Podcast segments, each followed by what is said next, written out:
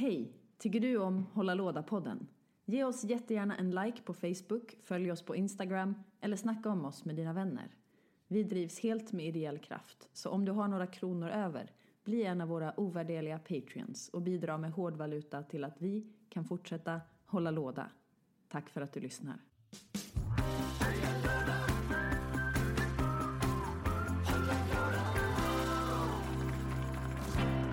Men hallå, hallå, hallå, hallå och välkomna tillbaka. Som vanligt har ni med er mig, Stefan och Samuel. Samuel Nilsson. Samuel Nilsson. Hej Samuel, hur är läget? Det är nice. Hur är det själv? Det är bra, det är bra. Jag är på topphumör idag för att vi ska prata om Tematiska brädspel. Fantastic. Samuel, vad betyder tematiska brädspel? Eh, alltså det är du som har valt eh, temat. Så att eh, vad vi ska liksom ha för point of view på det här vet jag inte riktigt. Ja, men jag tänker, vad, vad är tematiska brädspel för dig? Ja, jag kan tolka det på två sätt. Dels alltså ett spel där temat är med väldigt mycket, alltså lite Arkham Horror eller sånt där temat är stor del av liksom spelupplevelsen och Just det. att det är mer berättelsebetonat. Eh, Eller? eller eh, spel där mekaniken, alltså som inte behöver ha någon story eller så, men där mekaniken hänger väldigt mycket ihop med, med temat. Till exempel men så enkel grej som att i Stone Age, om du ska skaffa en till bybo, så måste du sätta in två stycken bybor i en liten hydda. Just det. Det betyder alltså att de två har lite pussenuttstid och så skapar de en tredje. Precis. Exakt. Och eh, det jag skulle säga, det är precis, det här var min tanke, att inte bara prata om tematiska spel eh, i form av det så kallade American eh, style, Amer eller Ameritrash games, utan även i Eurogames, så som Stone Age. Ehm, jo, men innan vi gör någonting annat, Samuel, vad har du spelat sen sist? Eh, jag har faktiskt inte spelat någonting fysiskt sen Oj, sist. förlåt, förlåt, förlåt. Vi ska gå in i vår, vår, vår, vår första, eh, vår första, vårt första tema som vi gör varje dag. Vi ska prata om vad har du spelat sen sist? Vad har du spelat sen sist? Just det, det är viktigt med, med bryggan. Eller vad det nu Eller vad det nu heter på poddspråk. Eh, jag har faktiskt inte spelat någonting fysiskt. Nähä. Så jag har mest spelat eh, MTG Arena. Oh, jag såg det. Eh, du la upp en, eh, en fin liten bild på vår Hålla Låda Facebook-sida där din motståndare hade över 200 liv. På bilden hade han 100 någonting liv. Ja, han var uppe i 278. Eh, men hade inte, det fanns inga creatures kvar i leken. Ah, ja, så du vann matchen? Ja, alla mina gubbar hade, hade death touch och det fanns inga, inget med trample. Så Oj. att, eh, han, var upp, Trevligt. han eller hen var uppe i typ 270 liv och drog slut på leken. Haha. Ja, så kan det gå. Så det var nice. Ja, bara för att man har mycket liv betyder inte att man vinner. Nej, precis. Eh, sen spel, alltså jag förtjänar inte den vinsten. Nej. Men- Men, men du det var fick nice. den. Ja, alltså du fick den, du, då förtjänar du den, du vann den. Men eh, du har inte spelat någonting fysiskt på två, två veckor nu? Eh, nej, jag har ju missat eh, två eh, måndags eh, brädspelskvällar. En gång så, eh, så kunde jag inte och den andra gången så var jag såg och Emmas föreställning. Precis. Thelma 2. Var det en fin upplevelse? Den var helt fantastisk. Nu har vi det på podden också. Underbart. Nej. Samuel, jag skulle säga så här. Om du hade fått välja att spela ett spel de här två senaste veckorna, vad hade du velat spela då? Eh, då hade jag faktiskt eh, valt att testa Netatanka som jag har eh, du kickstartat. kickstartat och fått, eh, Som, fått nu. som kom hem. Men jag har valt att inte ta av plasten på det. Mm, för vi ska göra en unboxing-video på den. Ja, så jag tänkte att eh, det får ligga. Det för lite. Jag hade inte haft tid att, att spela det ändå. Så att, eh, Men kan du berätta lite, vet du vem som har designat det och vad gör man i spelet? Eh, designen kommer jag inte ihåg. Det är någon... Någon Kickstarter-personlighet. ja, alltså det här är ett etablerat företag. Det är de... Je debuti el bleu. Eller vad de heter. Elblöd, det klassiska företaget. Alltså, det, det, jag tror nästan det är rätt. Eh, eh, designern ingen jag känner till sedan tidigare. Men det är ett, ja. eh, ett, Berätta, vad, vad gör man? alltså det är ett worker placement-spel i eh, Ja. amerikansk eh, urinvånarmiljö. Mm. Och USPen med det är, är att om man sätter workers på ställen som ligger nära varandra och är angränsade, typ slaktaren och ehm, den som eh, så, här, gör läder av hudar. Ja, Okej. Eh, sitter i, de, är, de har en liten eh, väg mellan sig. Och om du sätter båd, workers på båda ställena så får du göra en mycket starkare action för att Ah, ja, precis. Intressant det. Så att det, att det faktiskt spelar roll hur många workers du, eh, du placerar på en viss plats. Eh, ja, precis. Och att, så att det kommer vara mycket, mycket timing att eh, så claima platserna du vill ha för att hamna bredvid din egen gubbe och kunna att de liksom samarbetar. Det. Så mycket strategi helt enkelt. Ja, Eh, ja där var men- ju lite tematik i sig, att, Mm. eh, att just dina arbetare samarbetar bättre och hjälper varandra. Och då får du starkare actions, ja, definitivt. Ja, det är fint. Det här, var- det här är ju helt och hållet utstuderat att du valde att prata om Net- Net- Netatanka. Ja. Som för övrigt är, som för övrigt är designat av Hervé eh, Regal. Såklart. Hervé Regal! Oui. Oui. Eh, men eh, La Beauté de Jeu är det här eh, företaget som du pratar om. Precis. Men, Ratatouille. eh, Ratatouille. Sla, sla, sla, sluta samma. Ehm, men eh, så eh, när, när planerar du spelare? Kommer det bli nästa måndag? Ska du ta med det? Eh, nej, nu är det så att jag har eh, bebisvakt eh, right. eh, kommande måndagarna. Min sambo jobbar, eh, jobbar natt så jag kommer inte kunna komma iväg. Aj då. Men när, när får du spela brädspel då? Eh, om kanske tre måndagar tror jag. Jag, jag tror du skulle säga om tre månader. Nej, förhoppningsvis tidigare än så. Ja. Sen har jag spelat lite Scythe på eh, Steam också. ja men det är ju nästan som att ha spelat brädspel. Ja, typ. Eh, det sa jag ju till och med i... Eh, jag lyssnade igenom ett gammalt eh, avsnitt Just när det. jag säger att det borde räknas. Eh, men det är så sjukt svårt för folk har ju sutt, suttit och nött liksom flera hundra partier och kan alla kombos utan till och det är, det är nästan inte som att spela mot människor. Eh, för att man känner ju ingen som har spelat Nej, men och sen så många är det ju någonting med Scythe tycker jag, att det är den fantastiska upplevelsen av att ha figurerna och att ha med människorna bredvid sig när man spelar och när man liksom gör alla allianser och det, det är ju svårare att göra online. Ja men alltså du kan välja att ha gubbarna målade i datorspelet nu. Ja, nej, jag Det är tycker typ- fortfarande typ att man ska, samma. man, ska ha det, man ska ha det fysiskt, annars är det Ja, jag fake. Men, Samuel- men jag brukar gå ut till hyllan och klappa när det inte är min runda på liksom Ja, just det. fysiska Du lådor. håller i figurerna när du faktiskt spelar Ja. dataspelet. Jag Och så gillar gör det. jag så här svärdsljud. Så Kling, kling, Just det, kling. just det. inget svärdsljud. Precis. Ehm, Vad vad har du? jag spelat sen, sen sist? Jo, jag har spelat en del eh, här hemma. Dels så har jag spelat det senaste expansionen av Time Stories som heter Madame, som jag kommer att återkomma till senare, som är designat av uh, Fabienne Refaul och eh, Juan Rodriguez. Eh, Time Stories, för er som inte har spelat det, är ett, ehm, vad ska man kalla det, ett pusselspel i Escape Room-anda med en återkommande story. Alltså man spelar tidsresenärer som åker tillbaka i tiden för att rätta till fel som har eh, hänt, eh, antingen i framtiden eller i dåtiden. Och man har enstaka uppdrag som man egentligen bara kan spela en gång, för när du har spelat det, då är du klar. Eh, och sen finns det en metaberättelse om dina karaktärer och din arbetsuppgivare, arbetsgivare. Det som har hänt nu är att vi har följt den här handlingen väldigt länge. Vi har spelat, jag har en grupp människor, eh, jag, Emma, Svante och Tjur som har spelat det här sedan det första eh, avsnittet som hette Asylum. Vi har följt det slaviskt, vi har köpt varenda box och det har varit ett fantastiskt spel för oss. Jag tyckte att Madame inte var, Madame som den senaste heter, inte var det bästa. Till och med att det var ganska dåligt. Trist. Ja, det, det, det kändes som att de försökte ge en payoff för det vi har gjort under alla, alla de här åren vi har spelat spelet. Men payoffen var väldigt banal och jag är faktiskt extremt missnöjd.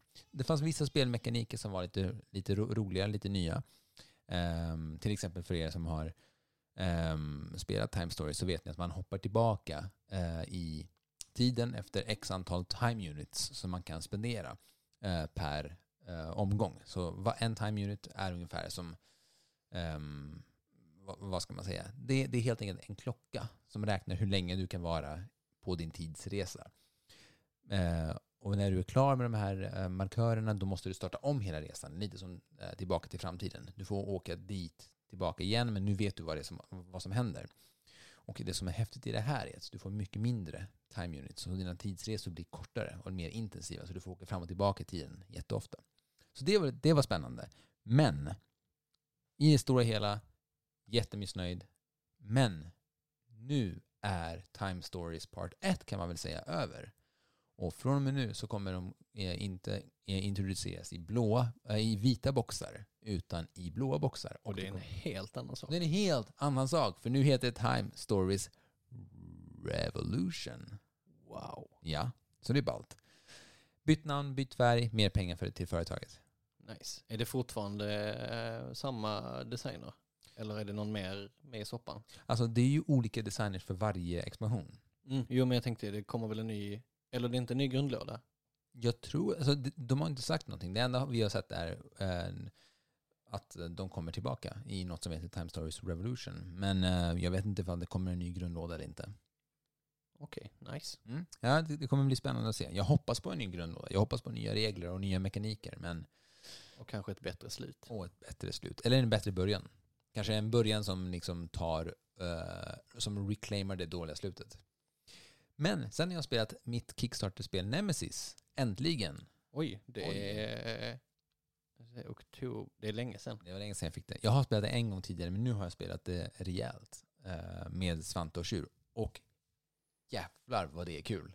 Alltså Nice. apropå tematik så är ju det här tematik deluxe. Det är ju literally som att spela Alien in space. Ehm, Alien in space. Alien, aliens in space. Ja men det finns ju aliens on earth. Men det här är ju aliens in space, in ship. Ehm, känner du till något om, om Nemesis? Eh, nej, inte mer än eh, vi har ju kikat lite på, eh, på lådan. Och sen har jag sett och sen här lite fidgiga, eh, någon scannerbricka. Precis. Som och man kan ju- kolla om folk har eh, parasiter i sig. Precis, precis. Och det är ju han eh, eh, Adam Kwapinski som har gjort, som har designat spelet. Och det här företaget, um, Awaken Realms, polacker, är de, ehm, har varit kända, kända tidigare för att göra mycket sådär snygga modeller Mm. i första hand. Och, och till exempel The Edge är också ett spel som de har med så stora maffiga modeller. Ja, just det. Det, ring, det ringer en klocka. Mm, också ett Kickstarter-spel. Men, och, eh, och Lords of Hellas. Och Lords man, of eh, Hellas definitivt. Kanske det kännaste. När man Mm. eh, bygger upp eh, figurerna under spelets gång. Exakt så. De har även släppt ett eh, kortspel som heter Siege Storm. ehm, som är på väg till butiker snart tror jag. Vi fick faktiskt ett Siege Storm-exemplar när vi köpte, när jag fick mitt Nemesis hemskickat.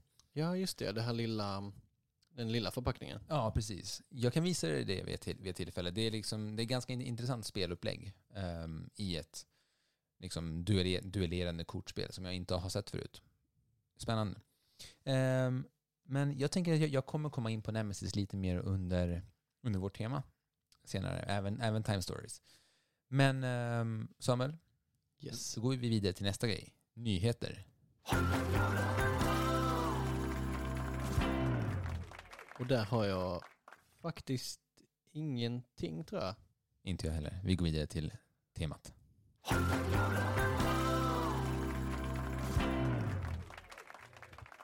Yes. Eh, och veckans tema är då alltså tematiska brädspel. Precis. Så Samuel, jag tänkte bara så här, ta tillfälle i akt, för nu har jag redan varit inne och, och eh, nuddat vid Nemesis. För Nemesis är ju, liksom, skulle jag säga, Ameritrash deluxe. Det är liksom, det är, absolut det finns strategi, men det är ju varken ett worker placement-spel, det är ju inget, det, alltså, det är ingen Eurogame för fem öre. Men det som är intressant är att um, um, jag upplever att tematiska spel är, har blivit den, vad ska man säga, det, det stora inom Kickstarter-genren. Alltså det är det som folket, liksom är, folket som Kickstarter ger mest pengar till. Är det så? Eller är det bara min observation? Ja men det är väl så jag har tolkat också. Mm. Att, eh, eller när man tittar på eh, och sorterar på Kickstarter efter mest fundat så är Exakt. det ju så får man ju scrolla länge innan man ser en träkub. Och hur kommer det här sig tror du? Men jag tänker att det är enklare att sälja in någonting som ser liksom coolt ut om man har en sån tre minuters video och gör så coola panoreringar av gubbar än att eh, visa upp en eh, liksom ful renässansstad och säga typ här ska du placera kuber. Ja, men samtidigt så är det de, i- liksom i spelvärlden så är det ju Eurogamesen som har fått mest hö, hög, hög status. Ja, men jag tror att eh, det, det är liksom så det har varit innan att eh, Eurogamesen, det var liksom de var liksom det stora, men nu Mm. har det kommit så mycket annat och folk som kanske tycker att Eurogames är tråkiga har fått eh, liksom någonting annat. Jag tror faktiskt att, eh, alltså, om man nu ska prata kategorier, att eh, de mer amerikanska spelen är snabbast växande marknaden. Mm. Om man inte räknar liksom Ticket Ride och de här introspelen. Men det intressanta är om man till exempel går in, går in på Board Game Geek som är, som är brädspelarnas mecka, brädspelarnas mecka, så har vi ju liksom till och med två genrer. Vi har ju det här overall ranking och sen har vi det här thematic ranking. Så, så att tematiska rankingen finns ju. Så det är ju inte så här out of the blue taget liksom. Nej, nej, absolut inte. Vilken är i topp av eh, teman? Thematic. Ja, Thematic är gissa. alltså jag ser ju härifrån. Ja, ja. Det, Det, det, det, är Gloomhaven. Gloomhaven. Ja. Gloomhaven. Men, men Gloomhaven är ju på toppen på båda. Ehm, tätt, följt av Pandemic Legacy. Och säsong ett då. Och sen är det Star Wars Rebellion, War of, War of the Ring Second Edition, Spirit Island, Seventh Continent, ehm, Kingdom Death, Monsters, Pandemic Legacy och sen kommer det som du pratar om, Arkham Horror. Tätt följt av Mansions of Madness. Och ehm, det här säger ju ganska mycket om vilka sorts spel det här är. Ja. Nästa steg är ju eh, Mage Knight, the board game. Och det är väl lite mer ett Eurostyle game med... ja, Med- lite, lite svårdefinierat men eh, Ja, men du förstår nog vad jag menar. Ja. Det, det, det är ändå någon form av re- resurshantering i det spelet. ja, det, det är mer, mer, eh, mer strategifokus än eh, ki- ja, cool fokus. Ja, så strategi är väl det rätta ordet jag, jag var ute efter. Men ehm, Så det Spirit Island var med där, vilken plats? femma. Ja, det är för lågt alltså. Vadå? då? Ja, Det är ett fantastiskt spel. Kan du berätta om det? Eh, det är lite deckbuilder Mm. eh, och eh, varje spelare får liksom en, eh, en uråldrig gudom som bor på en sorts ö och man har olika krafter och man har olika element och sen börjar man då med en starthand med olika spells och de gör lite olika grejer och alla de här gudarna är bra på olika saker så att någon, någon kan döda, någon kan inte döda alls, någon eh, kan lite allt möjligt men är dålig på allt. Men så här. Och sen så kommer det små settlers, alltså nybyggare till den här ön och eh, ska ta över. Och så har man en tablå med kort då som berättar i vilken ordning de kommer att göra saker. Var kommer de först landa, var kommer de bygga och var kommer de vilja slåss. All right. Men, ehm, men du, du har spelat det? Ja, det det är är eh, bästa co-op-spelet jag någonsin har spelat. Men skulle du säga att det, det är ditt fav, liksom, favorittematiska spel? Eh, ja, alltså temat är lite, lite med egentligen. Det, Mm. Eller eh, det, det lyser igenom i och för sig ganska mycket, men det är liksom inget specifikt tema. Alltså, man hade kunnat byta ut det mesta liksom. Det, Men är det är det, det som liksom du tänker, eh, okej så här, vad, det som du tänker när du ser ett tema, skulle det kunna bytas ut mot vad som helst? Är det det som gör det till ett bra tema? Att det inte går att byta, bytas ut till vad som helst, utan att det är väldigt så här fast och det här spelet skulle inte funka utan sitt tema? Eller tänker du mer att det är bra trots att det är ett utbytbart tema?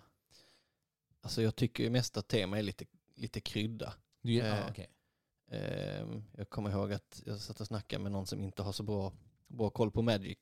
Okej. Eh, och så undrar han, ja men spelar det så stor roll vad det är för bilder liksom? Och i, ibland gör ju det att eh, någon karaktär som man vet kan en viss sak lyser igenom i, Mm. i kortet. Men, eh, men mitt svar var ju typ att nej, du hade kunnat ha bilar på korten och kalla det Nascar the Gathering. Absolut. Men um, okej, om man säger så. Ehm, Och det hade ju fortfarande varit lika bra. ja, absolut. Men det jag försöker bara så pinpointa är, går det att ehm, går det att ha ett bra spel som bara har ett bra tema men inte, men inte bra spelregler? Eh, nja, Eller, eller, eller så här, ett, okej, Ja, eh, det var väl lite le- ledande fråga kanske. Nej, det är väl klart att det, att det inte går. Men om jag leder om min fråga och säger så här. Om vi har ett spel som har ett starkt tema, kan temat lyfta reglerna? Ja, absolut. Eh, inte, alltså det måste, eller jag måste gilla reglerna liksom. Eh, Mm. eller det beror på hur tungt spelet är. Ett, ett light spel som är liksom roligt och som underhåller en, det kan, eh, där behöver det inte vara så noga med reglerna. All right. Eh, och där, då börjar man lite eh, mer om, om temat för då kan man sitta och, och fokusera på det och tycka att det är liksom, man sitter och rollspelar lite. Men det är där vi kommer då in i till exempel Nemesis som jag då, då har spelat nyligen. Och att temat är så starkt att när man, när jag kickstartade spelet så kickstartade jag det, eller jag valde att köpa det i första hand för att det tilltalar mig som filmfantast. Alltså jag vill spela ett spel där jag befinner mig i princip eh, ombord på eh, ett skepp med en xenomorph. Fast det här, de, de får ju såklart inte kalla det xenomorphs utan det är ju en, det det är liksom en alien. Men temat var ju anledningen till varför, varför jag köpte spelet. Sen så märker man ju att, att spelreglerna är gjorda efter temat. Så till exempel att i spelet så kan dina, dina karaktärer antingen möta en, eh, en larva, en liten, en liten lar, som, ja, larva som hoppar in i din, i din mage. Och för att bli av med den så måste du först gå till ett specifikt rum. Och i det rummet så um, ska du lägga dig i röntgenmaskinen och då får du använda det här specifika lilla kortet som, gör, som, som kan skanna om du är infesterad med ett alienägg eller inte. Och om du är det, då måste du gå in i ett annat rum som är the surgery och där kan du utföra en operation på dig själv och då förlorar du liv men du blir av med den här med äggen. Så, så, så att reglerna är liksom uppbyggda efter temat. Ja, shit vad, vad många steg. Vad omständigt. Men jag, men jag gillar det. Det är jättom... Alltså grejen är, det finns, eh, jag tror att det är runt 20-25 olika rum som man inte vet vilka, är- vilka de är. Så du upptäcker rummen successivt, för man har liksom tappat minnet. Och varje av de här 25 egna rummen har egna regler för olika actions. Så liksom, nya actions tillkommer medan medan du spelar spelet. Herregud. Ja, och jag tycker att det är väldigt spännande för det gör att det byggs upp som en film. Att temat gör att du får en brädspelsupplevelse upplevelse som mer liknar en, eh, en matinéfilm eller en skräckfilm, thriller kan vi kalla det, än att bara sitta och nöta regler och kötta regler och liksom kör, spela ut varandra. Och sen utöver det så har ju alla karaktärer inte bara sitt huvuduppdrag utan man får liksom specifika egna uppdrag såsom att ja, men du vill kanske skicka hem skeppet tillbaka till jorden. Eh, Men mitt uppdrag är att stjäla med mig fyra stycken alien-ägg till eh, det onda multicorp-bolaget som jag jobbar för. Men, eh, men vår kompis eh, Bertas uppdrag är att eh, spränga alla ägg och skicka skeppet till Mars. Så temat kan ju, kan ju också då, alltså våra egna uppdrag kan kollidera och det gör ju temat än, ännu starkare. Mm. Men det här är en sån sak som, är, som jag tycker är lite, lite typisk för eh, spel där det känns, alltså nu har jag ingen koll på eh, utvecklingsprocessen, men när man känner att temat är så viktigt att det, det får liksom inte ruckas på så att det har liksom stått, stått över mycket annat i designen att ja, men det kan finnas 25 rum med eh, olika regler som liksom är helt olika varandra för att eh, det ska vara liksom coolt men i ett eh, spel där temat mer är påslängt liksom mer den tyska skolan då skulle man ju aldrig göra så för att det är, det är omständigt om man vill ha det så, så cleant eh, som möjligt och liksom tajta regler. Men då, men då tappar man ju också det här upptäckar eh, lustan i, eh, Eh, i, i, som en del av spelet. Att, eh, att lite vad som helst kan hända och oj nu hände det här och mm. Men det är ju det här jag menar, går det överhuvudtaget att skapa ett Eurogame, alltså den här tyska gamla skolan där temat faktiskt bär eh, reglerna? Och jag tror inte det. Eller jo, det är väl klart, allting är möjligt, men jag tror inte att om man ska gå utifrån den klassiska ramen så, så eh, går det inte. För då måste du rucka på ramen för att kunna göra något annat. Men det kanske inte ens är eftertraktat. Det kanske inte är det, är det vill. Alltså det, jag, jag, jag tror att det går. Eh, det, det går ju såklart att eh, hitta en spännande spelmekanik och sen någon gång under liksom eh, när man håller på att pussla ihop grunderna så kan man komma på att ja men eh, det här temat hade kunnat passa. Och sen baserat på det så bygger man vidare. Eh, och att det får influera lite grann.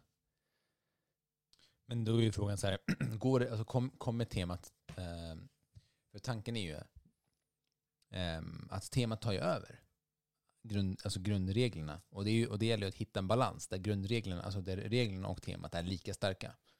Och det känns som att eh, i ett mer liksom, Eurogame så är ju, som du sa, reglerna är ju det som är grunden. Och, det, och det ska vara cleant och simpelt för att jag ska, för att jag ska kunna lära mig spelet och vinna Ja. över dig så, så småningom. Ja, precis. Men, men tema är också eh, om man eh, ska spela spel som är inte alltså, superenkla utan lite Mm. mer avancerat, då hjälper ju faktiskt temat till att, eh, att man lär sig. Har du något, Eh. har du något exempel? Eh, ska vi se. Det här är kanske inte ett bra exempel, men jag vill nämna det ändå bara för jag Mm, tycker det är nice. I, Kör. I Voyages of Marco Polo till exempel, så eh, om man ska gå igenom bergen så måste man offra kameler. Just det. Eh, men det finns ingen annanstans i spelet kameler spelar roll. Alltså det, det är bara en resurs. Men... Eh, Alltså, alltså det, i Voyages of Mar- Ja, Marco det, det hade kunnat vara vad som helst. För att det finns ingen, ingenstans det liksom spelar roll att det är kameler. Men just att du går genom bergen och kamelerna kommer liksom dö och trilla och du behöver dem för bärpackning. Så det är bara där de används? Eh, ja, det, nej, de, de används på, på andra ställen, men det är bara där det spelar roll. Så där kan jag tänka mig att alltså, det hade kunnat vara vad som helst. För att de andra resurserna är också bara sådär random guld och silke. Ja, just det. Ehm, och att eh, kamelerna kunde lika bra varit, eh, jag höll på att säga krydda, men det är redan en resurs. Men liksom vad som helst. Men just för att man ska komma ihåg då eh, att ja, men, eh, det är det här du betalar över bergen. Ja, men Mm. vi gör det till kameler, för då förstår man. Okej, så du menar också att ett, ett tema kan även vara någonting som förenklar, ehm, spel, som förenklar spelreglerna? Inte bara förgyller utan även gör det mer begripligt och Ja. förståeligt? Ja. Jo men precis. Ja, men, det, men det köper jag nog absolut. Att, alltså, tema behöver inte bara vara no någonting som driver eh, spelmekaniken, men det kan också vara någonting som förenklar, spelmek som förenklar spelmekaniken. Och jag tänker att de bästa Eurogamesen jag har spelat har också haft ett starkt tema. Alltså, det är liksom... Jag, men, men återigen, jag tycker ju om sådana spel. Mm. Där jag känner att jag också blir immersed. Att, att min eskapism får nå sin fulla potential när jag spelar. Alltså även när jag tävlar mot andra. Mm. Ja men jag tycker också, det, det är gött med tema men jag behöver inte, Det är inte det du kö- köper i första hand. eh, nej, eller in, inte för det mesta. Alltså jag har ju köpt, Mm. ehm, eller det är ett spel som jag håll, eh, ska försöka få tag på som är, det är inte fantastiskt. Men det är ett ganska schysst eh, Eurogame, eh, men det är en, en gammal, gammal Kickstarter från typ 2012 eller någonting. Ehm, innan Kickstarter blev stort, så det går inte att få tag på den. Vi, vad sa du att det var? Eh, det har jag inte sagt än. Nej, sorry. Ja. sorry. Eh, och det heter Chicken Caesar. Chicken Caesar. Eh, och det, det är alltså precis vad det låter som. Eh, man spelar, Man ska göra en Caesar- Caesarsallad. nej, eh, man spelar eh, höns och eh, eh, så är det liksom romersk politik. All right. Eh, hönsen spelar alltså ingen roll, det hade kunnat vara vad som helst. Eh, men det är liksom ett gulligt tema. Och eh, så har man då varsin familj och så spelar man ut de här, eh, det är mest tuppar faktiskt, eh, på olika ställen då och då får de eh, olika ut, utnämnelser heter det kanske. Strunt samma. De, eh, de liksom stiger i den politiska rangen. Och sen den som eh, är Caesar ska försöka eh, uppfylla liksom, löften till, till resten. Och eh, funkar inte det så kommer räven och äter upp den Caesar. Och då, och då måste, Kul. måste den som är underst i rang bli Caesar. Eh, men problemet är att när man är Caesar så kan man inte eh, lägga till mer saker på sin, på sin tupp. Och målet är att det spelar ingen roll om de dör, Mm. För att när de dör så ska det bara vara liksom fina utmärkelser på, eh, på gravstenarna så att Okej, du okej. bygger upp din familjs legacy. Fint. Jag vill spela det här spelet. Ja, alltså det, det, Har du det? Eh, nej, jag har spelat det för länge sedan. Jag försöker, eh, alltså det mest, det går ju att få tag på men det kostar typ 800 spänn. Jäklar. Ja. Eh, Men, men om man tar det så här. det, det, här, det här blir nog en, en intressant fråga. Eh, du, skulle du kunna tänka dig att spela Gloomhaven? Ja, ja, men det har jag ju redan sagt. Ja, du vill spela, spela Gloomhaven? Ja. Ehm, du, har, du har spelat Founders of Gloomhaven. Yes. Skulle du säga att temat i Founders of Gloomhaven eh, spelade roll för dig när du spelade spelet? Ehm, nej, alltså jag hade inte så bra koll på, ehm, på liksom universumet så att raserna och Eh, allt sånt där spelar inte så stor roll. Men, men eh, man märker att så det finns en anledning till att den här karaktären sitter på det här kortet. Och det är, det är någon av raserna som eh, är duktiga på någon viss grej och de dyker upp väldigt mycket på en viss typ av kort. Och alltså, man ser mönster. Så jag tänker att någon som har eh, spelat Gloomhaven och sen spelar Founders kommer liksom att det blir lite Easter eggs. Men om vi gör så här. Eh, jag ska segwaya in på ett annat samtalsämne som har med det här att göra. Vad är Glo- Founders of Gloomhaven för sorts spel? Ehm, det är ju mest ett pusselspel. Ehm, lite som Tetris så har man en stor eh, tom karta och där är ett stort tomt landskap och dit eh, kommer lite olika folkslag och så ska man då bygga upp staden Gloomhaven och det gör man genom att man bygger små hus och de producerar varor och sen så kan man, då äger man den varan. Sen kan man köpa in sig på en annan vara och bygga nästa hus och då levererar det första huset till det. Så du bygger liksom kedjor. Men det jag ville liksom få fram i första hand, det är ett resurshanteringsspel. Det är mer ett Eurogame än ett rollspel. Eh, ja, ja, absolut. Ja, och Gloomhaven, alltså inte Founders utan det vanliga Gloomhaven, det är ju ett Dungeon Crawler-rollspel.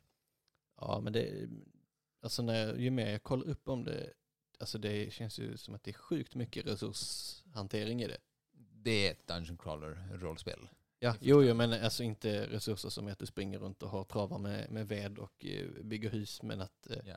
det är väldigt mycket så här Eurogaming hushållning med, med dina, dina medel i det. Mm, på ett sätt. Men, men, men, men liksom så här, det, det jag vill komma är ju att det är intressant att, um, apropå det här med tematik, att vi kan ta två olika genrer, vilket jag tycker är superspännande att de har gjort det här. Att de tar två, gör två spel som har två helt olika genrer och bygger det i samma värld, alltså i samma universum. Men utifrån att, eh, de, alltså att de som har spelat Gloomhaven och känner till alla raser där, ehm, så vet de att när jag spelar mitt Founders of Gloomhaven så kommer jag känna en stark tematik och, stark liksom förankring till det. Och då kommer jag kunna förstå mig på den här världen och kanske su- sugas in i berättelsen Mm. mer än om jag bara hade spelat Gloomhaven. Och på så, på så sätt blir det liksom sann Avengers, alltså Marvel-landat. Vi kan göra flera standalone spel som kanske inte har någonting med varandra att göra, förutom de här små end credit-scenerna som liksom tangerar sin, varandras berättelse. Och där, och där tycker jag att Isaac eh, Childers. Child, Childers gjorde ett jä- jättesmart ehm, val när han, Ja. när, när han valde att Gloomhaven, Founders of Gloomhaven skulle vara ett... Är det, är det han som har gjort det också? Ja. ja att det skulle vara ett liksom, worker placement, eller... Nej, nej, det, det, det, ja, det är precis. Det, Ja, det är ingen worker placement. Nej, okej. Men, Eh. eh, men en annan grej bara. Nu vet jag inte hur, my- hur mycket vi ska spoila det här, men Pandemic Legacy. För Mm. vi måste bara nudda Legacy. Fast, fast jag har inte öppnat min låda än så du får inte spoila. Nej, men jag, jag ska inte spoila. Ja. Det jag vill säga är, det jag vill spoila, det, det, det, det jag vill prata om är Pandemic Legacy säsong 1 är en berättelse Mm. som utökas från den vanliga Pandemic. Som i sin tur är ehm, ett ganska simpelt spel.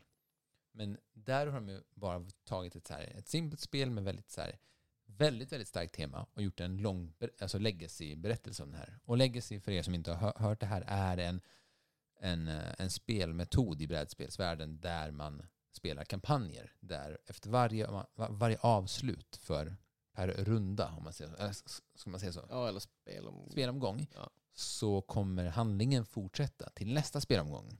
Så vi tar vid där vi slutade och en ny berättelse fortsätter berättas. Men det jag vill säga är att när Pandemic säsong 1 har slutat så börjar säsong 2 där första har slutat. Mm.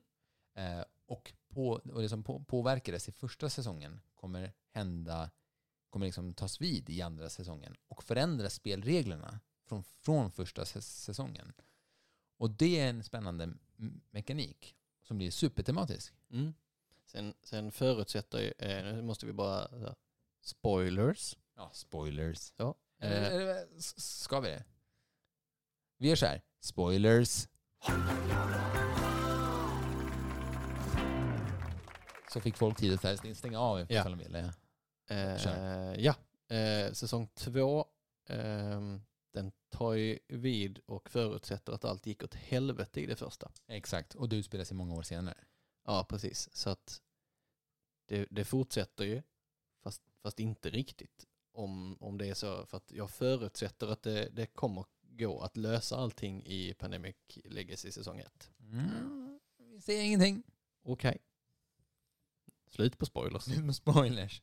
Ehm, men vad skulle jag säga? Oavsett så är det spännande att, att man kan ha ett starkt tema som påverkar flera brädspel framåt. Mm. Och genom, alltså cr- cross-genre. Ja, det är det som är det häftiga. Det är ju lite, lite unikt. Eh, Jag försöker liksom komma på ehm, Okej. något, något liknande. Eh, men jag kan inte komma på liksom att samma, samma mm, alltså värld som är alltså, gjord, vad heter det, som original för ett spel, eller vad man ska säga. Det finns ju Star Wars-spel i olika genrer, men där är det hämtat utifrån. Här är en fråga. Hade det kommit ett, eh, vad ska vi kalla det, ett kortspel, ett, ehm, jag vill inte säga ett eh, samlarkortspel, men låt oss säga ett kortspel som hette Mombasa the Card Game. Hade du köpt det? Eh, nej. Varför? Eh, för att, eh, ja, så- eller det beror lite på såklart. Alltså hade det varit Fister som hade gjort det. Ja, Så- ja, så om det hade- var Fister som har ja. gjort det och det heter Mombasa the Card Game. Men då hade jag ju inte köpt det för att eh, jag tänker att det här ska vara Mombasa. Utan, ah, ja, men han har kanske tagit någon liten smart grej om hur korten funkar och så gjort något, något eget av det. Ja, men du ser, alltså det finns ju ändå en Ja. anledning att, här, att, att man känner igen någonting från ett spel till ett, Ja. ett annat. Men, eh, men det har ju ingenting med, med, med temat att göra egentligen. Nej, men det vill komma in så här, kan inte teman också ha ett spel? Alltså, kan inte spel också vara ett tema? Så här, Alhambra eller eh, Puerto Rico. Jo, här, eh, för det tycker jag inte är intressant att prata om. Vad händer när ett spel i sig blir ett tema? Så här, om, och, och, och sen går man över till en, till en ny genre. Puerto Rico, the dice game. Ehm, Splendor, the role playing game. Åh, herregud. Star Wars, nej det, det är redan en franchise. Men eh, du, vet vad, du vet vad jag försöker komma till. Liksom. Mm. När, alltså, när inte bara temat så som Aliens eller eh, Star Wars eller, Lo- eller Lord of the Rings eller um, Lovecraft blir ett, temat utan när själva mekaniken blir ett tema. Mm. Tror du, att det, alltså, tror du att det skulle sälja vidare? I andra genrer? Ehm, ja, kanske. Du menar att man, man tar en genre som är liksom uppfunnen Som är i, känd? I, ja, som är uppfunnen i ett spel. Så det, Ja. ja. Okej, då, då har jag. Ehm, ja, men det, det händer ju lite grann. Alltså om man ska se legacy liksom som ett, ett tema. Så, Sant. Jo, men, så ja, börjar men det, Precis, så att- det är det här jag, jag vill så, komma att- till. så, ja. så, det, så det händer ju hela tiden. Mm. Ehm, men eh, och det, alltså lite också i alltså spelens tema, tema. Mm. Det går ju lite, lite trender. Eh, jag, jag kommer ihåg jag var på en, eh, en mässa och då ehm, eh, hade Ignacy Trevicek, uh, ursäkta uttalet, ett eh, föredrag och eh, så nämnde han att hans eh, spel eh, The First Martians eh, var precis eh, nästan klart och de skulle gå public. Och då är det några förbenade svenskar som, eh, som går ut och säger att hej, nu kommer vårt spel Terraform Mars och då fick de skjuta på allting. Okej. Ja, och i samma eh, veva så kom det något Mars-spel till och nu, eh, Ja, och nu, det. och nu Det kommer var ju Vital med. Mm. Eh, så att eh, sen hur de har med varandra att göra eller inte, alltså Ignacy visste ju uppenbarligen inte vad Frix Games höll på med. Ja, men jag minns det var verkligen ett tag, eh, för ett tag sedan där det kom massa matchspel. Mm. Ja, det är spännande. Men, men alltså, jag... Okej, så här. Jag nämnde sist att jag tror att legacy-spelen kommer dö ut snart. Mm. Ja, men jag, jag är, är enig. Mm. Eller, alltså, de kanske måste mm, vet du, återuppfinna, Hjulet igen. Eller ja, eller hur, hur legacyn funkar. Ja. För att den funkar ju typ likadant i alla spel. Öppna en Precis. låda och... Vi har Escape Rooms-brädspelen som har blivit en stor hit. Ehm, där kanske Inka och Marcus ehm, Brand. Brand är de som liksom leder i täten med sina exit-spel. Ja, de, de, De har ju... Ja det, ja, det har kommit fler...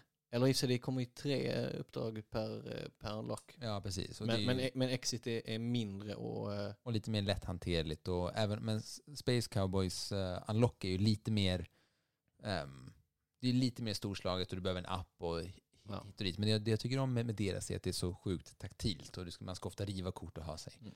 Men det har ju blivit ett, ett tema i sig, Escape Room-spel, Ja, som nu har blivit ganska stort. Och nu på något sätt är vi sin, ka- kanske sin topp. Där Mm. Legacy-spelen var för två år sedan. Ett, år, ett, ett två år sedan. Ehm, och jag, och så, så, så småningom tror jag det här också kommer att avta, men det kommer att komma nytt. Alltså, som, som du var inne på förut. Någonting nytt kommer kunna, alltså förra avsnittet så var du inne på att ja det. Någonting eh, nytt kommer komma att ta över det gamla. Vi vet inte vad det är än, men för fem år sedan så skulle vi aldrig kanske säga att riva kort i, i sina brädspel var, skulle bli en grej, men nu är det det vi längtar efter mest. Ja. Här hemma i alla fall.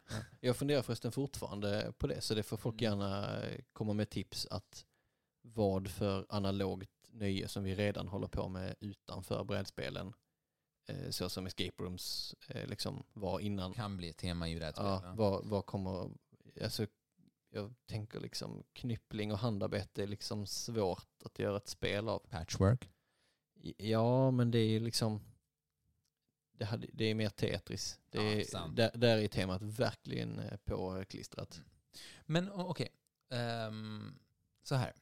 Om vi ska på något sätt summera allt det här så tror vi så här, att teman kan förstärka ett spel rejält ehm, om man verkligen bygger spelet kring temat och inte krystar fram det. Men det kan också vara någonting som, ehm, som ibland läggs på som en platt yta för att det bara ska se snyggt ut. Mm. Till exempel Monopoly, Star Wars, Harry Potter. Ja, just det. Men, men också, men också till, till exempel att i många Eurogames så är teman mest Mm. någonting som passar estetiken. Ja. Där måste jag också sticka ut hakan lite. Och, Ja. ehm, alltså eh, Star Wars och Harry Potter och Monopol. Alltså jag vill inte riktigt räkna dem som teman. Nej, för- det är mer för det- franchise. Försäljning. Ja, det är mer försäljning. För, eh, för det är alltså ingen skillnad på, på de originalspelet. Det är, det är bara, bara bilder. Ehm, Så att det är inte ett nytt, nytt tema, det är bara nya bilder. Sen är ju bilderna tematiska, men det är inte Fast ett man, nytt... eh, jo, fast sen får man ju nya gubbar alltså, som, som är Vader och Luke och man får ljussablar och... Alltså jag hör jag, jag förstår vad du säger. Eh, och det är nog inte att spelet, spelet blir mer tematiskt. För reglerna har ing, inte så jättemycket med temat att göra. Men de försöker ju bara sälja mer. Ja, jo, precis. Jag ville, jag ville bara vara lite, lite petimeter där. Ja, ja, sure. Eh, men om du skulle nu få välja ett spel som du tycker passar dig bäst och som du skulle vilja bevara mest hemma. Om du fick ha kvar hemma ett spel med ett starkt tema, vad skulle det vara just nu? Oj, oj, oj, oj. Eh, Ett, an- ett an- annat ord för vad är ditt fa- favoritspel? Med tematiska, fav, ditt favorittematiska brädspel. Ja, det är så svårt. Då kan jag inte bara säga Mombasa för att det temat är liksom... Alltså det, det är knappt, eller det, det är lite i reglerna men, eh, men ja. Favorittematiska. Mm. Medan jag, jag, jag låter dig tänka lite här så kommer jag säga Mm. att för mig är ju just ex, eh, exit-spelen de som, som jag gillar mest. För att jag förstår utifrån temat, utifrån escape room som genre, varför jag ska göra de här sakerna i spelet. Varför jag ska liksom riva kort och böja på dem och liksom tänka utanför boxen. För att det är det som temat vill att jag ska göra. tänka utanför ramarna. Och för varje gång det kommer ett nytt spel så har jag nu en, för, en förväntning av att så här, shit, vad kommer hända den här gången? Vad kommer de ha tänkt på nu? Kommer jag behöva um, slita ut pappret uh, på fodralet för att hitta en hemlig kod? Och där tycker jag att temat verkligen lyckas få mig att tänka utanför ramarna för vad ett brädspel kan vara. Mm. Och därför är det mitt absoluta favorit just nu. Ja, ja men det är bra, bra eh, valt eller vad man ska säga. Mm. Uh, ja, men jag får nog uh, välja uh, Reino Knizias uh, Lord of the Rings Confrontation. Oh, det är också ett fint fall. Sag, eller Sagan om ringen, Slaget om Midgård hette det på, på svenska. Eh, Alga gav faktiskt ut det på den tiden de eh, ja, översatt, översatt spel. Eh, och Finns det, det att få tag på idag? Eh, inte på svenska. Fan. Eh, jag hörde till och med... Jag har det svenska. Ja, ja, jag har det svenska. Men har, jag, har tappat bort, ja, jag har tappat bort regelboken bara. Nej. Så jag hörde av mig till Alga och frågade om de hade någon pdf kvar. Och eh, skicka bild på spelet, artikelnummer, streckkod, alltså allt. Men? Eh, får en pdf till ett helt annat Sagan om ringen-spel som, som de också har gett ut som också Reino Knizia har gjort. Mm. Men, eh, ja. Men så att jag har den, eh, den engelska eh, regelboken. Men varför är det här ditt favorit tematiska spel? Eh, alltså, det är ett fantastiskt spel eh, i sig. Alltså, det är alltså, en av de få spelen som jag har satt som 10 på Bongen Geek. Det är typ ofelbart. Men eh, det är så fruktansvärt mycket Eh, jag kan dra lite kort vad, vad spelet går ut mm. på. Eh, man har en, eh, vad heter det, inte kvadratisk, jo, kvadratisk spelplan, men som är vriden, så spelarna spetsarna mot varandra. Mm.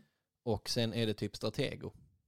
Alltså man har sina, sina krigare och de är vända med, med reglerna mot, mot spelarna som spelar dem så att du ser dina egna pjäser men du ser inte vad motståndaren har. Och de eh, har lite olika regler.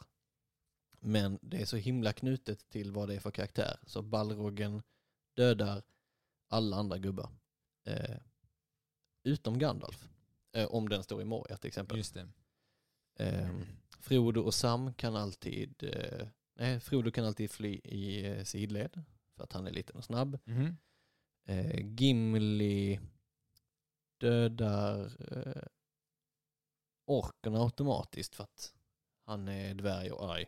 Att de har... Ja, men det du vill komma till är att här, reglerna för de olika karaktärerna påverkas under själva spelupplevelsen. Ja, precis. Eh, så att det är bra regler, eh, liksom rent objektivt. Men de, eh, Reiner har också lyckats få det att liksom, det känns som att det är den här karaktären. Just det. Det, här är, det här låter som något Argon hade liksom kunnat göra.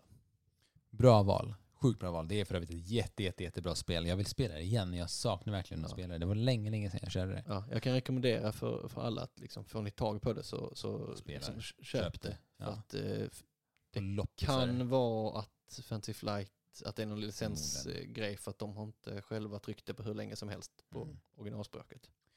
Men med detta sagt så vill jag avsluta kvällens eh, samtal kring tema. Och vi kommer komma tillbaka snart igen. Ja. Och vi kommer nu eh, snart få någonting helt fantastiskt. Så vi har eh, beställt egna hålla låda-påsar. Yay! Canvas bags. Jag vet, jag är så pepp på att se dem. Jag kommer gå runt med dem på stan, dela ut till alla vi känner. Ja, så att vi, vi är inte helt hundra på exakt vad vi ska göra med dem. Men eh, vi kommer att lotta ut någon. Mm. Sälja några, ge bort några. Ja, eh, så att det kommer gå att få tag på dem. Yes. Sen, eh, sen hur vi ska lösa, vi har ju ingen shop eller så, men det kanske är att vi får öppna upp eh, något Etsy-konto eller så. Ja, det, vi löser det på ett eller annat ja. sätt. Tack så sjukt mycket för att ni lyssnade på oss. Vi kommer tillbaka snart. Och uh, fortsätt lyssna på oss, hålla låda. Tack Samuel. Chicka-chicka.